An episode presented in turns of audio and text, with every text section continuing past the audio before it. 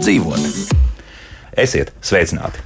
Netik tālu nākotne, gads 2030. Ierodoties lielveikalā un dodoties uz dārzkopības nodaļu, mēs ar zināmu pārsteigumu konstatēsim, ka no lielajiem plauktiem ir pazudusi kūdra. Kāpēc? Kas šobrīd notiek, par to šodien raidījumā.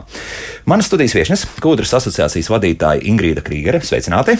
Sveicināti! Un dārzkopības nozares eksperta Mārīta Gailīta. Mārīta, prieks atkal redzēt šeit studijā.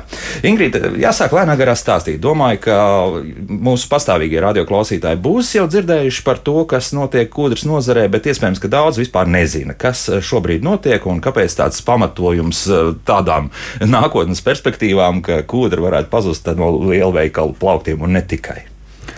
Jā, varētu teikt, to, ka kūdras nozara beidzamo gadu, ja vairākus gadus jau pārdzīvo tādus kritumus un kāpumus tad vienā brīdī mums šķiet, to, ka mūsu nākotne ir ļoti labi zināma un pārzināma. Jo, tāpēc, ka, piemēram, 2020. gadā novembrī tika pieņemts ilgspējīgs kūdras pamatnostādnes līdz 30 gadam. Tas nozīmē, to, ka nozarei tika garantēts, ka mēs varēsim iegūt kūdru tieši tādā pašā apjomā, kā mēs viņu iegūstam. Un būs arī pieejams resurss. Un tas nozīmē, to, ka arī dārzkopi varēs izmantot kūdru tāpat kā to izmantojuši līdz šim. Bet tad, protams, nāk šie Eiropas regulējumi, un to pašlaik ir ļoti daudz. Jo sakarā ar zaļo kursu un šo normatīvu paketes Fit for 55 um, ietvaros esošajiem regulējumiem, mēs redzam to, ka uh, tomēr nozare ir apdraudēta. Un kāpēc? Tas, um, piemēram, viens piemērs. Tā pati taksonomija, kur it kā pašā taksonomijas regulā, varbūt kas ir vispār taksonomija. Jā, taksonomija, jā, nu tad, tad. Tātad taksonomija tas ir um, um, tātad finansējuma izvērtējums pēc ilgspējības. Ja mēs izvērtējam nozares un darbības pēc to ilgspējas. Un uh, šeit jāsaka, ka pašā regulā nekas uh, tāds netika teikts par kūdru, kūdras produktiem, bet, ja mēs skatāmies pašlaik pie, pielikumu, kurš uh, tagad arī tika publiskots un kuru mēs komentējām, tad tur gan ir minēts, ka kūdras produkti dārzkopībai un arī pakaišiem vienkārši nav ilgspējīgi. Tas nozīmē tā to, vienkārši, ja? jā, uh -huh. kad uh, finansējumu, nu, ja tā kā palikt šajā te um, melnrakstā minētajā kārtībā, kā tas ir pašlaik, tad uh, šie produkti netikt vairāk no bankām finansēti un atbalstīti, ja viņi ražošana. No bankām, ah, un, un ražošana. Jā. Jā, tas nozīmē kaut kādas kredītlīnijas, vēl kaut kas tamlīdzīgs. Tad, tad, jā, tas tur... nozīmē to, ka arī substrāta rūpnīcas un arī dārzkopi, kur izmanto savā ražošanā kūdru, no viņu darbība netikt veikta kā vērtēta kā ilgtspējīga. Un tas, protams, mūs ļoti satrauc, jo mēs redzam to, ka ūdens produkts, kurš ir dabīgs, kurš iekļaujas aprits ekonomikā, jo tāpēc, mēs kūdrā iestādām šo produktu, nu, produktu mēs piemēram iestādām koku, mēs tālāk šo koku atkal stādām mežā, apstādām lielas platības, tas piesaista CO2, un kūdra atkal atgriežas dabā, jo kūdra nav atkritums pēc izmantošanas dārzkopībā bet uh, tas ir augsts ielabotājs. Mm -hmm. bet, nu, tad sāksim ar to pamatu laikam, lietu, kāpēc tad uh, kūdra pēkšņi kritus tādā nežēlastībā. Tas, ka joprojām daudzas Eiropas Savienības, nu, daudzas, labi, teiksim, vairākas Eiropas Savienības valstis turpina izmantot kūdru kā mm, kurināmo materiālu. Tas joprojām ir aktuāli, jo, piemēram, īrija nu, tagad ir apstupējusi pilnīgi visu. Ja? Kaut gan viņiem tas bija ļoti tradicionāls veids, ko viņi pat uzskata, ka tur tūkstošiem gadu viņi to ir darījuši. Ja? Šādi, nu, kas, kas notiek? Ir vēl kāds kurina vai, vai tagad viss kurināšana ir beigusies. Jā, es varbūt tā sākšu ar to, ka tiešām kāpēc ir radies šāds priekšstats, priekšstats, ka kūdra ir tikai enerģētiskais resurs, tāpēc, ka lielāko daļu no kūdras, kur ieguva Eiropas Savienības valsts, tiešām līdz 17. gadam izmantoja enerģētikā. Mm -hmm. Latvija ir, protams, pilnīgi savādāka, jo mūsu situācija mainījās jau 2001. gadā, kad mēs kūdru vairāk enerģētikā neizmantojām, un mēs viņu izmantojām, sākām izmantot tikai dārzkopības vajadzībām. Tā kā varētu teikt, to, ka Latvija ir pirmā, kas pārkārtojās jau šim procesam, labam un tiešām vērtīgam, to, ka mēs kūdru izmantojam ļoti liederīgi tikai dārzkopībai. Kaut gan eh, ik pa brītņiem kāds ieminās, ieminējās, tā jāsaka, jā, ka nu, varētu tomēr, lūk, re, mums ir vietējais resurs, ko mēs varētu atkal termoelektrotas centrālē, kā tas bija, ka, piemēram, padomju laikos, kur teica, divi, jā, vai teicis viens, kā tam mums sanāk, tur pie, pie, tec pie viens. tec viens, jā, tad stāvēja milzīgas kaudzes ar, ar kūdru, kas tika dedzināts. Jā, nu, jā. jā, tas tā ir, bet uh, to mēs varētu uzskatīt kā tādu enerģētikas uh, drošības resursu. Tas ir vietējais resurs, kurš mums ir un kur mēs nepieciešamības gadījumā varam lietot. Mm -hmm. To mēs redzējām arī 18. gada ziemā, kad šķelda nebija pieejama, jo bija ļoti mitrs laiks, daudz nokrišņu. Un izvest no meža šo šķeldu vienkārši nevarēja. Un Fortums tajā brīdī iepirka tiešām kūdru, tāpēc, lai varētu nodrošināt uh, siltumu un lai net, netiktu pārtraukt šī siltuma piegāde. Bet tas ir tādos ekstrēmos, tas ir ekstrēmos gadījumos, gadījumos bet uh, mēs arī zinām to, ka mēs paši kā nozare esam pašlaik arī piekrituši tam, ka mēs līdz 30 gadam atteiksimies vispār no enerģētiskās kūdras izmantošanas un iegūšanas. Lai gan jāsaka, ka šis procents, cik daudz mēs iegūstam un izmantojam enerģētikā, ir ļoti mazs. Tas ir apmēram 1,4 līdz 2% no kopējā mm, nu, redz, tas, tā nu, tas ir ļoti mazs procents. Karotīte, jā, lielā medus mucā. Jā, jā, bet Eiropā, protams, šī situācija ir bijusi savādāka līdz šim. Lai gan arī pašlaik pēdējos gados visas kūdras iegūs valsts pārkārtojas un kūdras resursi tiek vairāk izmantot tieši dārzkopībai un pakaišiem. Bet, protams, tas ir uh, radījis arī kaut kādas savas šīs ietekmes uz politiķiem, uz lēmumiem. Un to, kā šis kūdras resurs tiek vērtēts. Un, protams, viņš daudz kur tiek vērtēts tikai kā enerģētiskais resurs, kas ir fosils un kas nav atjaunojams. Lai gan mēs zinām to, ka kūdra lēni, bet viņa atjaunojas. Un arī Latvijā, ja mēs skatāmies no Latvijas universitātes šiem pētījumiem, tad pēdējo 200 gadu laikā kūdras pieaugums katru gadu ir 2 mm gadā. Un, ja mēs reiķinām, cik mēs vidē iegūstam, no, tad... cik mēs skatāmies, cik liels ir šis pieaugums, tad nu, kūdra mums katru gadu paliek aizvien vairāk un vairāk. Kā, un tie nav tikai skaitļi. Jā, nu, tie nav tikai skaitļi, tas ir arī tiešām apjoms. mm -hmm. nu, tā tad, uh, principā, es sāku saprast, ka varbūt tik traki nebūs, ka 2030. gadā tajos lielveikalos kūdra būs, bet jautājums, no kurienes tā būs un cik lielos apjomos un cik tā maksās iespējams. Arī tas vēl varētu būt. Jā, tas tiešām ir jautājums par cenu, jo es domāju, ka uh, daudzi, bet ja varbūt tās lielākā daļa Latvijas iedzīvotāju vispār iedzīvotāji nerēķina to, cik mums maksās šīs klimata pārmaiņas un cik mums maksās šis zaļais kurs. Protams, ir ļoti jauki, ka mēs uh, rūpējamies par dabu, ka mēs domājam par to, kā samazināt emisijas, kā dzīvot uh, un strādāt zaļāk, un zaļāk jā. ilgspējīgāk. Bet arī pat laikā nevajag aizmirst to, ka uh, tās ir ļoti, ļoti liels izmaksas. Mhm. Un, diemžēl jāsaka, ka nu, neviena valsts īsti līdz galam nav aprēķinājusi, kādas būs šīs izmaksas.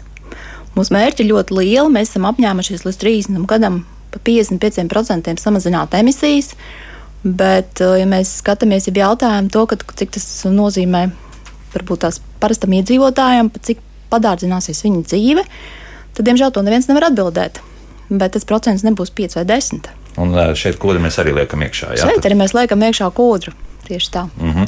Bet re, mums jau jautā šādi, kāpēc tiek pieļauts, ka netālu no Valmieras nesen uzbūvēja vairākus miljonus vērtu jaunu kūdras pārstrādes rūpnīcu, vēl daži gadi, un viss būs jālikvidē. Kas tad tie kūdras rūpnieki nezināja, ka viņas taisās iznīcināt? Kā tad tur ir īsti?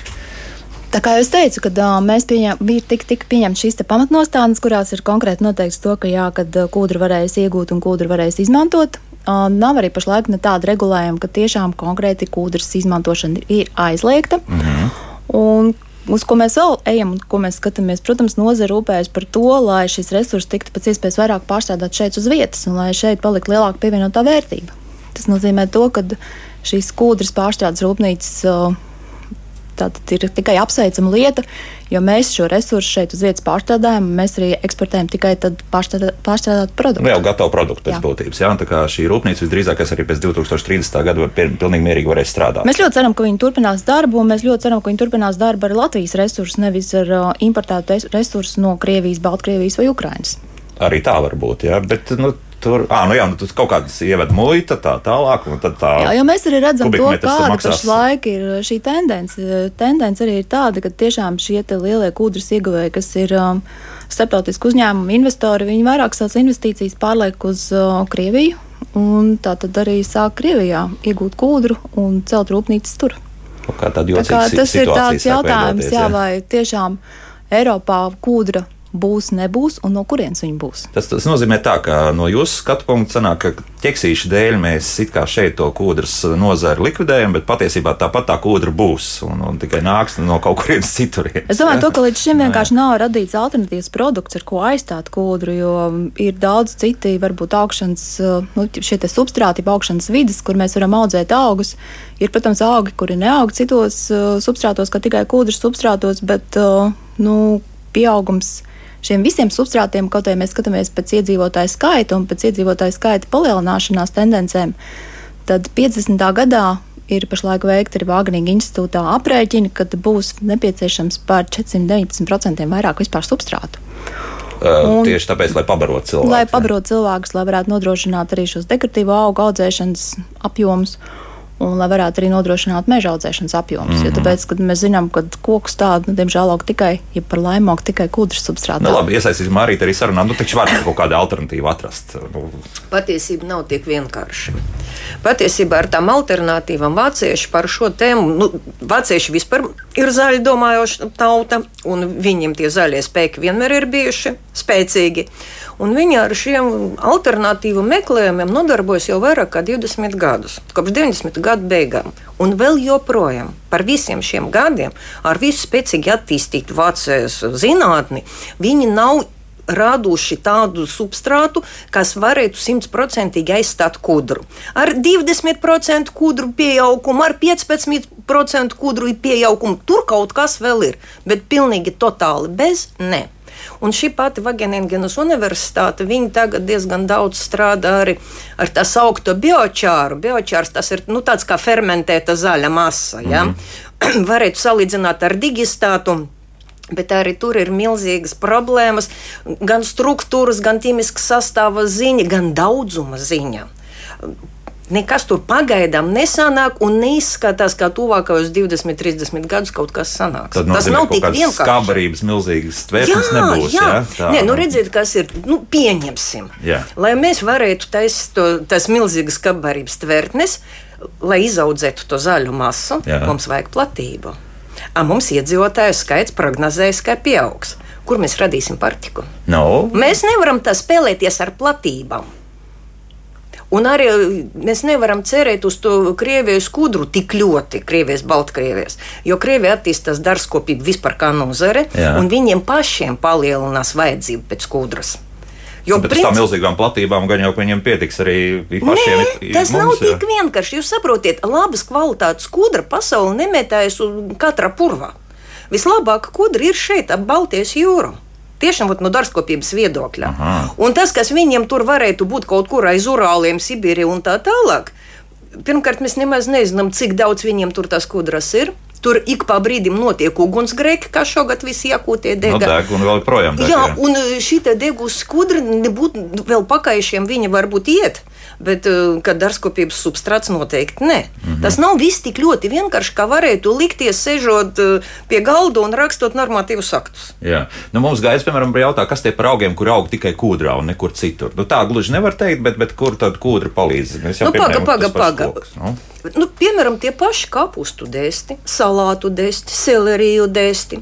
Bioloģiski audzētāji pat galda biets audzē no dēstu un spinātus, mm -hmm. tikai kūdra. Tikai tīrā kūdrā, vai tas ir? Nē, nu, kūdra, kūdra sajaukta ar kaļķošanas materiālu, jā. ar minerālu mēsliem, jā, bet tur nav klāt ne smiltis, ne grāns, nekas tāds.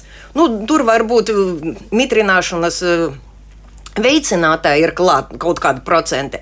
Bet, nu, principā tā ir tikai un vienīgi gudra. Un mēs nevaram no tā atteikties. Jo mēs, principā, 30 gadus gājam šai virzienā uz kudras izmantošanu, un ja mēs tagad pēkšņi atteiksimies no mūsdienu dēstu audzēšanas tehnoloģiem un atgriezīsimies uz to, kas bija 60. un 70. gados, jā, uzfrēzē tur lauka daļu, iesēj tos kāpostus, uzliek virsū lēcekti, kaut kas tev tur izaug. Apmēram no tā, ko tu esi iesējis, tev puse ir derīga stādīšana, otra puse vienkārši neizaug. Pēc tam, kamēr tu to visu iestādi, to dēstu izņemšana prasa milzīgi daudz roku darba, tad tie dēsti slikti ieaugas. Ar to, kā mēs 80. gadu pašas beigas, 90. sākuma pārgājām uz kāpostu audzēšanu kasētas kudras substrātā, Jā. mēs pamatīgi ietaupījām A. kudras izmantošanu, apmēram četras reizes samazinājusi kudras izmantošanu tieši kāpostiem, un mēs pa mēnesi pātrinājām kāpostu audzēšanu. Mēs ieguvām divas nedēļas uz dēstu audzēšanas momentu, un mēs ieguvām divas nedēļas uz dēstu ieaugšanu laukā. Vienmēr sakot, alternatīva un, ir tāda, ka mums palielināsies neizbēgami platības. Jā, tāpēc, ka platības tik ļoti nepalielināsies, Aha. bet mēs nevaram, mēs nevaram pieļaut, lai tās platības ļoti samazinās iet urbanizācija, ir ceļu būve. Mums zemes, o cik ir, tik ir. Gan Latvija, gan Eiropa, vienalga, kur ir ja, lauksaimniecība izmantojama zeme. Cik ir, tik ir. Tas zemes paliek ar vien mazāk un mazāk, jo aug pilsētas, es saku, ceļi, viss kaut kas, atkal tās zaļas zonas, rekreācija, viss kaut kas. Mēs nevaram atļauties no šīs lauksaimniecības izmantojamas zemes kaut kādu lielu daļu atvēlēt vienkārši zāles audzēšanu, lai pēc tam to zāli kompostētu, lai pēc tam no tās zāles jaucot viņu tur ar smiltīm, šķildu vai sazinu ko, radīt kaut kādu alternatīvu substrātu. Un galvenais, ka receptūras vēl nav un nevar zināt, kad tā receptūra būs un vai viņi vispār būs. Jo ar tām zālēm arī nav tik vienkārši, kā varētu likties no malas. Nu, iemetīs drusku vairāk naudas iekšā, un varbūt desmit gados paspējas. Nu, saprot, 30. gadā beigās nauda, alternatīva būs. Ne? Ne? Nauda neatrisina visu. Mēs, pārs, mēs pārvērtējam naudas vērtību. Jo ne ar kādu naudu jūs nevarat paildzināt gadu. Mums gada laika ir tik un tik mēneši, 5, 6, kad mēs varam audzēt to zāli. Jūs varat grūst to naudu, cik vien gribat, bet tas process ātrāks nepaliks. Nu, minerālu mēslu drusku pakaisīsim. No, nu, tam, jūs nesaprotiet. Tas tā nestrādā. Minerālu mēsli ir vajadzīgi, lai nodrošinātu augu ar visu nepieciešamo. Nu, mēs varam tur dabūt varbūt kādu tonu tās zāles vairāk no hektāra, bet mēs nevaram viena gada iebāzt divus gadus. Nu, nevaram. Mm -hmm. Tas vienkārši nav iespējams. Tas viss nav tik viegli, un nesaku, naudas eh, nozīme ir pārvērtēta. Nebūtu ne visu mēs varam nopirkt par naudu. Nu, jā, bet eh, te, te atkal, skatoties drusku no ekonomiskā aspekta, nebūs tā, ka šobrīd nu, vienalga tās vadlīnijas uz to zaļo kursu ir paņemtas, un ja pat pieņemam, ka uh, tomēr tā kūdras ieguva un uh, būs atstāta, tad nebūs kaut kāds milzīgs pārprodukcijas, atkal kaut kāds biets, proti tagad visa tā kūdra, kas tika dedzināta, vairs netiks dedzināta, visi pārējie ražotāji vairāk vai mazāk Eiropā paliek tādā pašā līmenī. Līdz ar to, nu, ka sāksies bankrotu vilnis, un mēs varbūt būsim vieni no pirmajiem, kur vispār nozara iznīks kaut kāda iemesla dēļ. Nu, nezinu, debesu subsīdija. Tā nebūs. nebūs. Tā nebūs, jo darbskopība globāli aug, palielinās. Un es saku, ja mums palielinās iedzīvotāju skaits, un viņš tomēr palielinās, mums vajadz, būs vajadzīgi tie substrāti, lai audzētu gan vertikālais fermas, gan tradicionālais siltumnīca, gan atklāta lauka, visur kaut kur mums būs vajadzīga tā kudra. Arvien vairāk un vairāk, lai pabarotu cilvēci. Es varbūt varētu to piebilst. Es varētu piebilst to, ka uh, pašlaik jau mēs jūtam, ka uh, īstenībā kūdras resursi jau sāk trūkt. Jo kaut arī šīs valstis, kuras pašlaik pārorientē savu darbību no enerģētiskās kūdras uz dārzkopības kūdru, viņas nāk klāt tirgu un varētu likties, jā, ka tiešām nu, paliek aizvien vairāk nu, konkurentu, jā, jā. konkurentu un arī kūdras paliek vairāk. Tad tādiem žēl nav, jo tāpēc, ka kūdras trūkst. Ja mēs skatāmies, kas notiek tirgū, tad pieprasījums pašlaik jau pārsniedz piedāvājumu. Tā kā cilvēks stāv rindā uz vēl neiegūtu kūdru, tā varētu teikt. Tas ir tādos lielos apjomos. Jā? Tas ir tādos lielos apjomos. Ko vēl parastais patērētājs, teiksim, tiešām lielveikalu pircējs no to ne, nejūtīs. Nu, pagaidām mēs to nejūtam, jo tāpēc, kad arī tie, kuri uh, ražoja, kuri pārstādā kūdru hobiju tirgumu, tad arī tie ir tie, kuri jau laicīgi iepērk šo kūdru resursu, lai varētu nodrošināt uh, šo hobiju tirgu ar uh, kūdru. Mm -hmm. Jo arī mums ir komentāri, nu, kas ir negatīvi pret visu to, ka vispār pret tā, šādu kūdras iegūmu. Nu, Guns, piemēram, mums uzrakstīja šādu komentāru. Zinātniski izmērījis, ka dzīves kūdras puras uzņem vismaz divas reizes vairāk CO2 kā tādas pašas platības mežs, un lūk, arī viss tā kopumā koncepcija par puru nosacināšanu galīgi nekam ne, neder. Vācija, piemēram, atjaunot dzīves kūdras purvus, no kuriem ar zaļām tehnoloģijām var iegūt sfagnus, pieņemsim, jā, nevis ar arhīskām tehnoloģijām. Vienmēr sakot, tehnoloģija attīstība vismaz šajā virzienā iet kaut kā citādāk. Jā. Jā, mēs, protams, varam audzēt arī augus fagnos, un mēs uh, varam kultivēt fagnus, bet uh, jautājums ir, kāds ir šis apjoms, cik daudz mēs varam šos fagnus iegūt. Un cik ilgā laikā tas tiešām jā. nav tik daudz, kā pašlaik ir uh, pieprasījumā kūdras substrāts. Un, ja mēs runājam par uh, šo purvu uh, arī atjaunošanu un mitrāju atjaunošanu, tad mums ir jārēķinās ar to, ka Vācijā Diemžēl šie purvi tika jau ļoti sen izstrādāti, un viņi tika diezgan, nu, varētu teikt, nežēlīgi noplicināti un nobeigti. Vairāk, tur vienkārši vairāk nekā nav. Bet, ja mēs skatāmies uz tiem purvu resursiem, kas mums ir Latvijā, 40% jau pašlaik no esošiem purviem mums ir aizsardzībā, 70% varētu teikt, ka mums ir neskarta, un mēs kūdri iegūstam tikai 4% no purviem. Tā kā mēs nevaram teikt, ka mēs strādājam kaut kādā ziņā uh, iznīcinot šo resursu, un ka šī resursa mums nebūs, un ka viņš paliek daudz mazāk. Mm -hmm. Nē, tā nu būtu nav. Ziniet, kas vēl ir? Mums ļoti daudz Latvijā ir mazu purvu, kurus neviens nekad neizstrādās. Nu, vienīgais, ja tas pats darbskops ar lapstu neaizies un kādu spaini neizraks. Ja? No, nu, tā vienmēr būs kāds, noteikti to izdarīs. Bet, bet nu, mājas, cik jā. tās būs divi jā, spaiņi? Jā.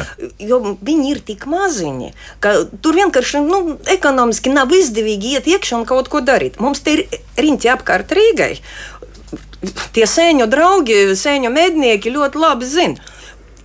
Ej pa mēžu, Te ir kaut kāds auguriņš, te ir purviņš, auguriņš, purviņš, un mums to mazo purvu ir bez jēgas daudz. Un kūdras ieguve no lielākiem masīviem dabai reāli nekādu skādu nenodara, jo šie mazie purvi paliek kā rezervāti. Un viņi tādā arī paliks.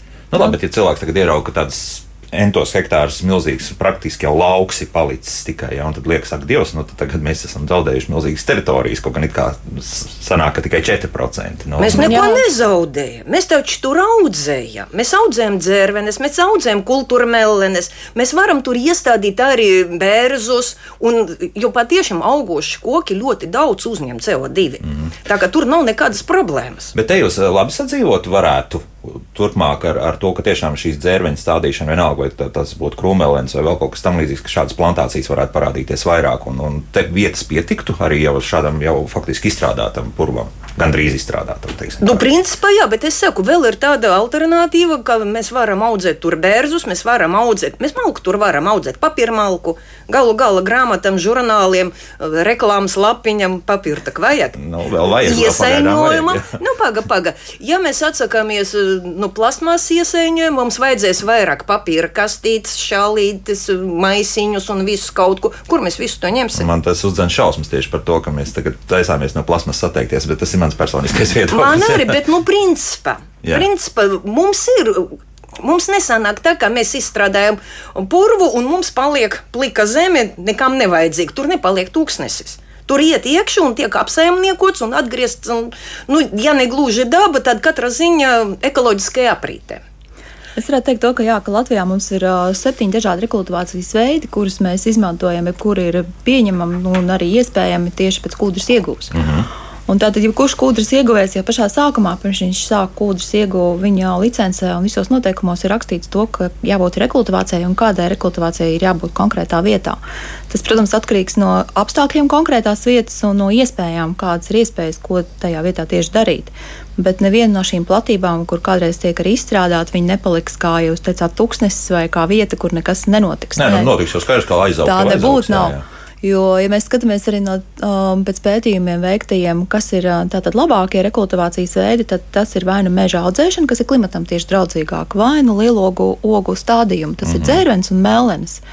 Un es domāju, ka lielākoties arī tad, uh, purvi, kas pašlaik tiek rekultivēti, jā, tad šie rekultivācijas veidi tiek pielietoti, tiek arī citās vietās atjaunot mitrāji, un tas notiek diezgan veiksmīgi. Par to mēs sūdzēties nevaram. Protams, mums ir palikušas šīs te teritorijas, kas ir senās, varētu teikt, no iepriekšējās uh, sociāla-ekonomiskās iekārtas, ja, kur varbūt šīs platības netika tajā laikā izstrādātas līdz galam. Rekultivācija tika iesākta, bet viņa netika veiksmīgi pabeigta. Kas tur tagad mainījās? Kaut kurā vietā daudz vietas ir aizaugušas un daudz kur atjaunojies pūrs. Ir uh, viņas apmežojušās, tad izveidojies mežs. Ir arī vietas, kur tiešām būtu šī rekultivācija jāpabeidz līdz galam, bet tas tiks darīts, jo tāpēc, ka arī šis taisnīgās pārkārtošanās uh, uh, teritoriālais plāns paredz to, ka šīs nerekultivētās vietas, ja neveiksmīgi rekultivētās vietas, tiks līdz galam rekultivētas. Mm -hmm. Un līdz ar to mēs arī kā valsts samazināsim savas emisijas un nu, palīdzēsim klimatam un dabai.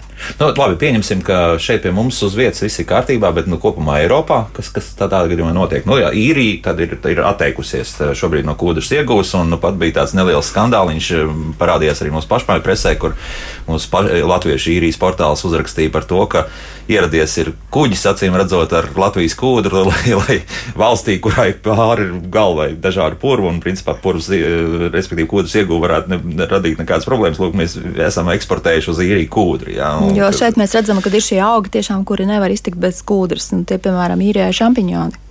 Jo šampiņoni aug kūdrā, tumšajā ne, nu, kūdrā. Tā.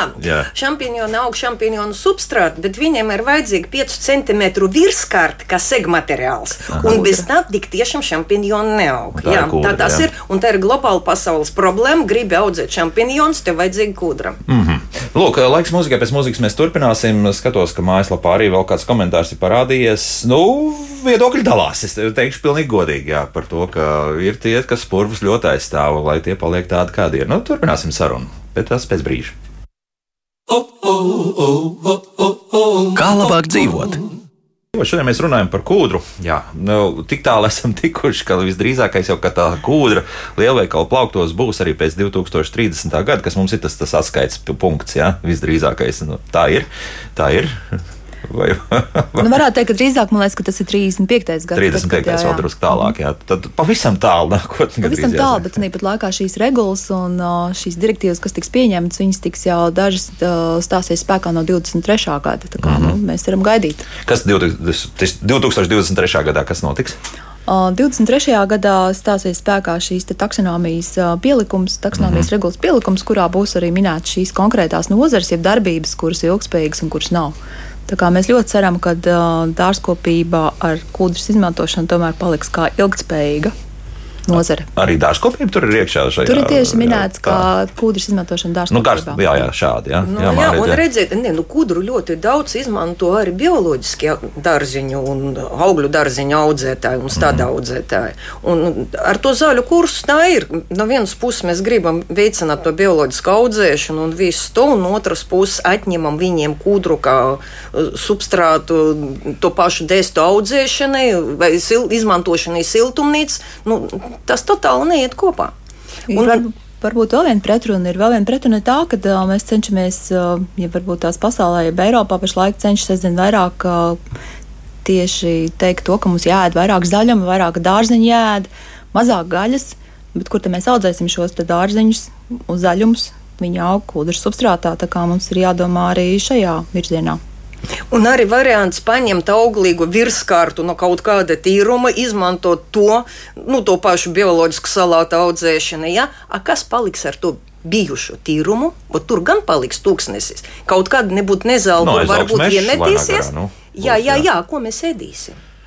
Mēs nu, atgriežamies pie jautājuma, ko mēs ēdīsim. Nu, ir jau vēl visādas alternatīvas, tur redz, uz pupām un zirņiem drusku mēs varam nu, labi, spiest. Labi, un, un, un zirņi, bet, ja, mēs iz, ja mēs iznīcināsim auglīgu augsnes virskārtu, tur paliks apakšējais slānis, ieži.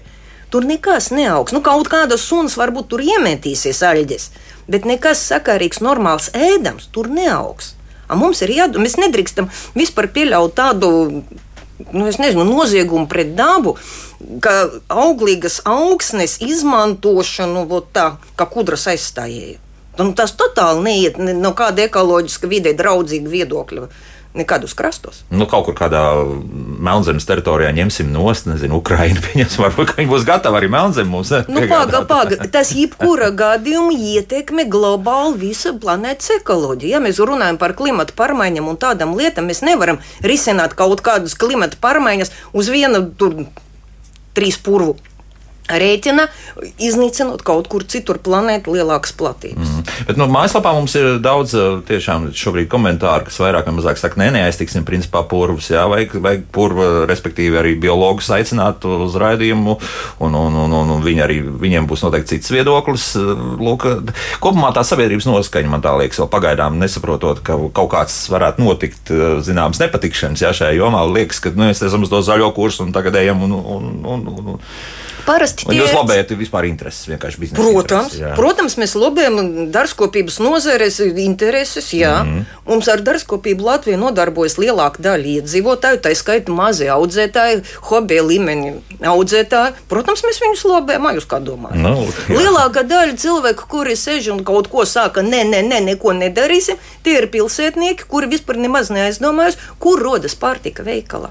Un arī kur rodas koki, Mēs Latvijā audzējam diezgan daudz, vairākus miljonus koku stādiņus katru gadu ko mēs izmantojam gan apmežošanai, tepat uz vietas izcirst, izcirsto platību atjaunošanai, gan apmēram ceturto daļu no tā Latvija eksportē uz Somiju un Zviedriju, kur arī atjauno izcirstas meža platības. Un e, ne priedi, ne ēgli bez kudras substrāta nav iespējams izaudzēt.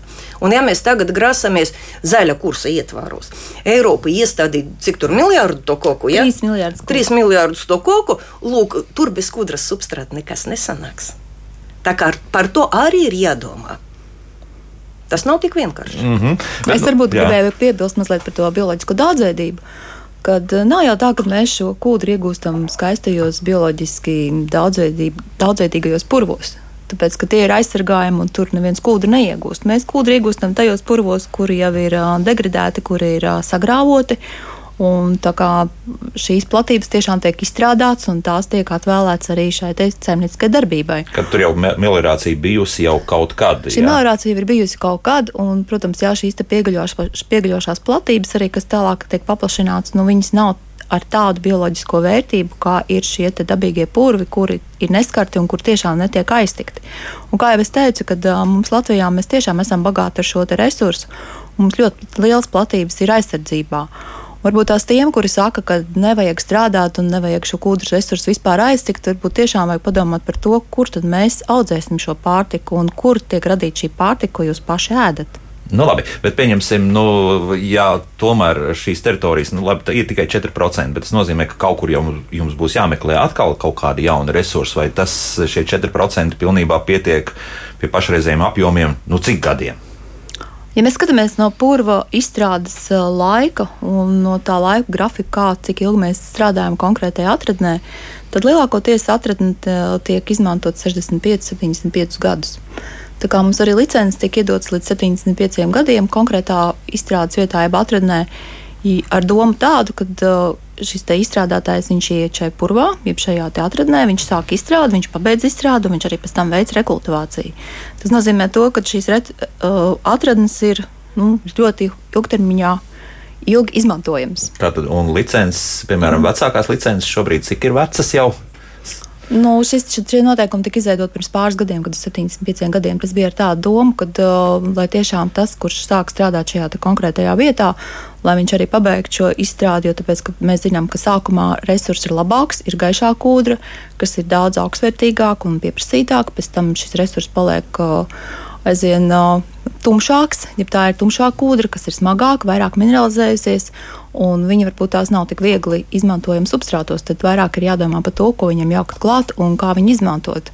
Bet, uh, lai tas viss saimnieciski liederīgi tiktu izmantots, jā, tad ir šis te termiņš, kurš ir 75 gadi. Ja mēs skatāmies no tām platībām, kur mēs pašlaik strādājam, tad lielākā tiesa no viņām tika atvērta pagājušā gadsimta 60. gados. Uh mhm. -huh. Bet nu, tad sanāk, ka šīs licences pietiek gandrīz līdz gadsimta beigām. Tā. Aptuveni. Aptuveni tā, jā. Bet re, zemnieks mums raksta šādi. Ar dārzkopību nodarbojas 40 gadus, audzēja arī stādus tomātu tirgumu. Agrāk pirkām kūdras kravu tieši no purva un uzlabojām ar krītu kaļķi. Tagad ir slikti milzīgo resursu, enerģijas patēriņš un gaisa piesārņojums no kūdras pārstrādes rūpnīcām, iepakojuma plasmasas rūpnīcām.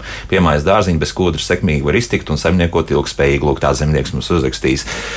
Kā tur ir ar to piesārņojumu šajā gadījumā, kūdras pārstrādes rūpnīcas, no kurienes tur var rasties, ka, kāpēc Kāpēc šāds komentārs par piesārņojumu? Es domāju, ka jebkura rūpniecība rada piesārņojumu. Tas ir gan tie ir putekļi, gan arī tas ir kaut kāds energoresurss, kas tiek lietots. Mm -hmm. Protams, mēs izmantojam arī plasmasu iepakojumam, bet nu, tas viss tiek ierēķināts. Mēs, diemžēl, neviena saimnieciskā darbība līdz šim nav iespējama bez kaut kāda piesārņojuma radīšanas. Tikai jāskatās tam, uz to, lai mēs viņu samazinātu un lai mēs strādātu tiešām ilgspējīgi. Nu, redz, bet Marīt, zemnieks uzskata, ka arī piemājas dārziņš pilnīgi mierīgi iztiks. Nu, viņš, jā, ko uzskata piemājas dārziņš? Ļoti viegli redzēt, izspriest, vot tam tur otram, trešajam, viņam jādara to un to. A viņam tam otrajam, trešajam pavaicē, ko viņš pats par to domā. Mazdarbniekam varbūt, ne, mazdarbniekam varbūt ir grūti braukt ar savu ķeru uz tuvāku purvu un rakt to kodru. Un, starp citu, no, no dabas resursu izmantošanas viedokļa, no dabas aizsardzības viedokļa, manuprāt, tas nemaz nav pieļaujams. Tas stingri ņemot ja mēs runājam par normatīvu regulējumu. Bet, nu, pieņemsim, ja? Un ko tas mazais šis zemnieks grib, lai es taisu audzēju tomātus pārdošanu, lai viņš no manis pērk un lai viņš tur stāda, kur viņš stāda. Tas, ka pēdējos gados plašuma iet audzēšana spaiņos. Mazdārziņos, un starp citu, audzējot spēļus, kudras vajag mazāk nekā izbērot viņu vienkārši siltumnīcu un tā tālāk. Par to jau cilvēks nedomā. Lai tās otrs dara kaut ko, A otrs varbūt nevar. Otram varbūt muguras sāp. Otram varbūt ir vieglāk nopirkt 20 litrus kūdras maisiņu veikalu, izaudzēt tos stādījumus pašam. Te jau starp citu ir konkurence, vai ne? Nu, arī, Izaudzēs jā, pats, jā, jā, nevis pirks no mātes. Nu, tas ir diezgan sarežģīts jautājums. Mm -hmm. nu, Edmunds atkal savukārt uh, piekrīt vairāk jums, uh, kāpēc politiķi tik slikti aizstāv Latvijas intereses Eiropā, un šeit mēs nonākam pie paradoxālas situācijas, ka tā kūdras ieguva ir salīdzinoši viens reģions, jā, tāds ziemeļa reģions, Somija, tad mēs noskatām Igauniju, Latviju, jā, tie ir lielākie faktiski kūdras. Igaunija, Latvija. Somija, Zviedrija, jā, tad, tad arī Polija. Tās ir tās valstis, kas um, Eiropā šajā ziemeļdaļā arī visvairāk iegūst kūdru un pārstrādā. Un tas nozīmē, ka pārējiem intereses ir maz. Ja? Jau Varbūt tās pārējiem ir izpratne pārāk maza, jo, diemžēl, šos lēmumus Eiropas komisijā pieņem cilvēki, kuri nāk no dienvidu valstīm, kuri nāk no Spānijas, no Portugāles. Un viņiem šī izpratne līdz galam nav par šo te kūdras resursu un par šiem dabas apstākļiem, kādi ir pie mums. Bet Jo- kūdra pie viņiem Kūdra pie viņiem tiek izmantot. Jā. Mēs zinām, to, ka Spānija ir um, liels uh, audzētājs un tur tiešām ļoti, ļoti jā. daudz izmanto kūdras substrātus. Nu, -hmm. Tie paši salāti. Tie paši salāti, viņi nāk lielākoties no Spānijas un Itālijas, un salātus bez kudras nav iespējams izaudzēt. Visi salātu stādiņi nāk no kudras. Nu, tur arī man liekas, ka visādas jocīgas tehnoloģijas tagad ir. Bet nu, cik procentuāli tās jocīgas tehnoloģijas? viens procents, pusotra. Lielākā Nezinu. daļa salātu, ko mēs redzam veikalos, importēt salātu lapiņas un vispārējais maisiņus, tie visi sakotnēji ir izaudzēti no kudras kubiciņa. Un vēl, protams, ir jāpadomā par to, ka, protams, ir arī citi alternatīvi substrāti, kuri tiek izmantoti, kurus mēģina izmantot, bet mums jārēķinās ar to, cik liela ir šī te klimata jeb emisiju pēda citiem substrātiem. Kur tālāk šie substrāti nonāk? Ja kūdra vienmēr būs apritē un viņa atkal nonāks augsnē un ielabos augsni, tad šie citi substrāti, diemžēl, daļa no viņiem nonāk atkritumos. Pieņem, pieņemsim tāpat akmensvati. Viņu vairāk neviens neiestrādās piemēram, nekur. Viņi nonāks getliņos. Ne. Latvija viņa nonāks getliņos, jā, bet principā Polija ir rūpnīca un minerālu vāti pārstrādā materiālus, kurus tālāk izmanto ceļu būvniecībā. Principā tehniski tas labi, ir jā. iespējams, mm -hmm. bet vienkārši šobrīd ekonomiski nav izdevīgi tos daudzumu vēst no Latvijas uz to Poliju, lai pārstrādātu. Bet, principā, jā, un kā alternatīvas substrāts, ja mēs runājam par kokosu, jā, viņš atgriežas augsnē, un, principā, nu, dažu gadu laika viņš tāpat kā kūdra atgriežas aprītē. Bet tās kokos palmas tiek audzētas Šrilanka un citas um, dienvidu austrumu Azijas valstīs. Kamēr to palmu izaudzē, viss tā pārstrāde pati kā tāda arī rāda emisijas, un transports. Kuģu transports no turienes uz šejieni, tas arī rāda emisijas. Tas nav tik vienkārši. Nu, labi, bet mūsu kodri jau arī tiek kuģos krauta un, un vesta. Ja? Tomēr- Kur ir tālākais punkts, uz kurien mums ceļo kūdra? Nu, būs patāli, ja drīzāk. Nu, diezgan tālu, jā. jā. Mēs kūdru eksportējam uz 115 valstīm apmēram, un Nu, nu, tur arī ir Jaunzēlanda un Amerika. Mm -hmm. Tā kā ir arī šeit tās uh, Nē, transporta loģistikas Vienalga, diezgan pagaras. substrātu viedokļa redziet, jūs varat uztaisīt kudras substrātu, piesatināt viņu ar barības elementiem. Iedot jebkuram nelietprātējam, un viņš tik laistot ar tīru ūdeni, var izaudzēt ražu. Principā tas ir iespējams. Jā. Ar minerālu vātu, ar kokosu tas nav iespējams. Tas prasa uzreiz zināšanas, ļoti precīzu laistīšanu. Ik pēc stundas, pa pusotram minūtēm, jūs sēdēsiet pie savas puķu, puķu domes ar karoti. To jau grāmatā lasīšu, varbūt arī varētu pasēdēt šādi. Katru ne- dienu jau nu, nē. Jā, Tas nav tik vienkārši. Bet vēl, vēl arī tāds satraukums arī mājaslapā par, par CO2, respektīvi par ogliskābās gāzes izmešiem. Nu, te varētu būt, ka paskatoties, ka no tā purva ņemot ārā šo kūdru, tas CO2 diezgan daudz kaut kur iziet gaisā, nu, ka tas varētu būt tas viens no tiem argumentiem, kāpēc tad tomēr vai nu samazināt vai vispār likvidēt šo Nu, nozari. tas ir arī jautājums, kā pašlaik notiek šī te, ā, CO2 uzskaita. Mēs zinām, tāpēc, ka pēc IPCC vadlīnijām pašlaik tiek uzskatīts, ka tiklīdz kūdras resursi izņem ārā no purva, notiek simtprocentīga emisiju izdalīšanās, tad tā diemžēl nav, jo tāpēc, ka šis produkts ā, saglabā sevī šo te CO2. Un tas ir tieši tāpat tā kā koksnes produkts. Ja mēs no koka uztaisām ā, dēli un tālāk to izmantojam kaut kur, šis te CO2 viņā paliek. Un arī kūdras produktā viņš paliek. Tikai līdz šim arī šeit ir ietekmējuši šī enerģētiskās kūdras lielā izmantošana, lielais apjoms, kas tika izmantots Eiropā. Un tika uzskatīts, to, ka lielākoties kūdra jā, tas ir enerģētisks resurs, kuru pēc tam sadedzina. Tāpēc šīs emisijas tika skaitītas uzreiz, kā simtprocentīgi viņas tiek emitētas. Jā. Bet pašlaik arī mēs esam gatavi pētījumiem, ka tiešām izpētīt to, cik ilgi saglabājās, un tie ir daudz gadi. Pašlaik jau vairākas universitātes ar to nodarbojas, un mēs zinām, to, ka no kūdras mēs ne tikai ražojam substrātu, kūdru mēs izmantojam arī kā būvmateriāls, tiek ražotas krāsas un špakteļu masas. Un, kā, nu, tas ir produkts, kas šo CO2 sevī glabā un uztur. Nu, bet kaut kas gaisā to vien nenonāk. Ziniet, ja? ja mēs runājam atkal par dārzkopības skudru, tad gaisa nekas nenonāk. Jo tik daudz, cik traktoram strādājot uz lauka iegūšanas procesa, ja?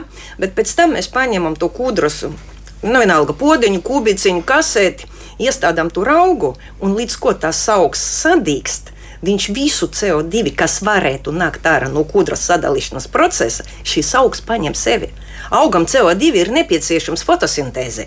Tur nekas, nekādas emisijas no dārzkopības nu, labi, tas ir kubiciņā. Bet tur vairāk runa par to, ka nu, tajā brīdī, kad tiešām tas tiek griezts ārā no, no purva, jā, tad, tad nu, kā tas nu, paga, nu, mums ik viens, raukšā, jā, mums ik viens auto, kas brauc pa ielu, rada CO2 emisijas. Ko darīsim? Nu, ar elektroautorātu brauksim. Es varbūt tās mazliet pastāstīšu to, kā, kā, ko pierādīja Life Restore pētījumi. Mēs uh, piedalījāmies šajā Life Restore projektā, kur mēs uh, tieši pētījām sega emisijas no dažādiem rekultivācijas veidiem. Mēs skatījāmies arī to, cik daudz emisijas izdalās no šīm atklātajām platībām, kur tiek iegūta kūdra.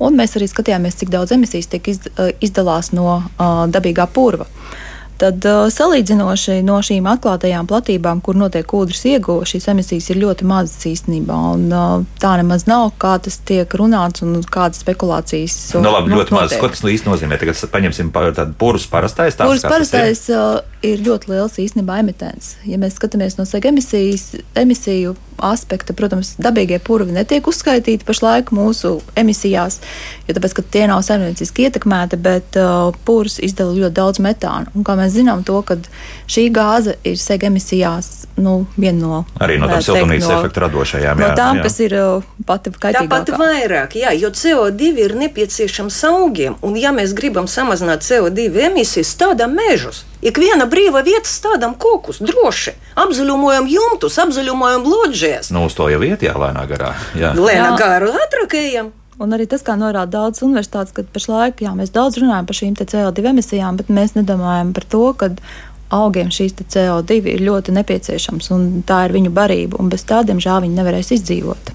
Pašlaik Holandija ir milzīga problēma. Dēļ gāzes cenas dažas rūpnīcas apstād, nu, uz brīdi apturējušas savu darbību, līdz ar to netiek ražots CO2, kuru viņi bija attīrīta veida tālāk tirgojuši siltumnīcu īpašniekiem. Un tieši šobrīd Holandija desmitiem hektāru zied zemenes, deg lampas, visi gaida ražu uz jauno gadu, uz Ziemassvētkiem, a CO2 nav.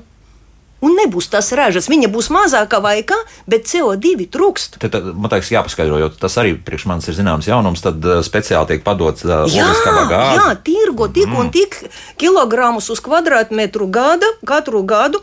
Modernē siltumnīca patērē, patērē CO2 atkarību no tehnoloģijas un audzējuma auga no 26, 26 līdz 50 kg uz kvadrātmetru. Kas CO2. Nav maz, jā, tas jā. nav maz, jā. Mm -hmm. Un pagājušajā gadā Holandē atkal bija kaut kāda ķībele ar šelu rūpnīcu, un dēļ tā viņi aprēķināja, ka neieguva 2000 tonu tomātu ražu tikai dēļ tā, ka pietrūka CO2. 2000 tonnas tas ir daudz. Tas ir apmēram pusi no tā, ko mēs Latvijā tomātu audzējam. Tas kāds paradoks, lai cik mm -hmm. dīvaini tas ir nebūtu. Ants Arvis mums jautā, jums neliekas, ka stāsts ir tikai vienīgi par tirgus pārņemšanu, ierobežošanu? Varbūt, nu, tā kaut kādas sazvērstību teorijas. Nu, no, no tās puses, ka viss vai, vai, vai nē, ka tas ir. Kādu tirgu viņš domā? Nu, Kudras tirgu, dārziņu tirgu. Pārdale. Pārdale kaut kur citur sāks iegūt vairāk, nezinu. Nu, kaut kādā ziņā es domāju, ka uh, vispār šis ir tirgus pārdales process un tirgus pārdales laiks dažādos aspektos. Tomēr, jā. Mm -hmm. Bet nu, ir, ir, kas jums ļoti pamatīgi oponē, jāatzīst, jā, ka ir apmēram, teiktu, pusi uz pusi. Ir, ir atbalstītāji, protams, jā, un, un, un, un, un arī ir arī tādi komentāri, kur raksta, jā, lūk, beidzot ir izskaidrot arī ķēdīt. Kā tad kūdra ne tikai izņemot ārā no purva, tālāk tomēr atgriežas dabā, jā, tad, tad nekur jau tā nepazūd, bet, bet, bet ir arī tie, kas diezgan strikti saka, ka jums galīgi nesot taisnība. Nu, jā, Tāda es ir viedokļa. domāju, to, ka mums visiem ir jādomā mazliet plašāk un jāpaskatās uz šīm visām problēmām no dažādiem skatu leņķiem. Mm -hmm. nu, diskusijām ir pamats, bet galvenais, lai mēs necērtam šajā gadījumā mežu, kurš vēl labi var augt turpmāk, teiksim tā. Ja? Nu, jā. Kūdras asociācijas vadītāja Ingrīda Krīgere un dažkopības nozares eksperta Mārīta Gailīta bija mans studijas viesnes. Paldies! Šis noteikti nav pēdējais stāsts par šo visu. Jā, uzaicināsim gan jau, ka arī paņemsim kādu pretējo viedokli vēl klāt un paskatīsimies, ka, kāda šeit mūsu diskusijas varētu labi sanākt. Bet tas kādu citu reizi. Jaukdien visiem un tā!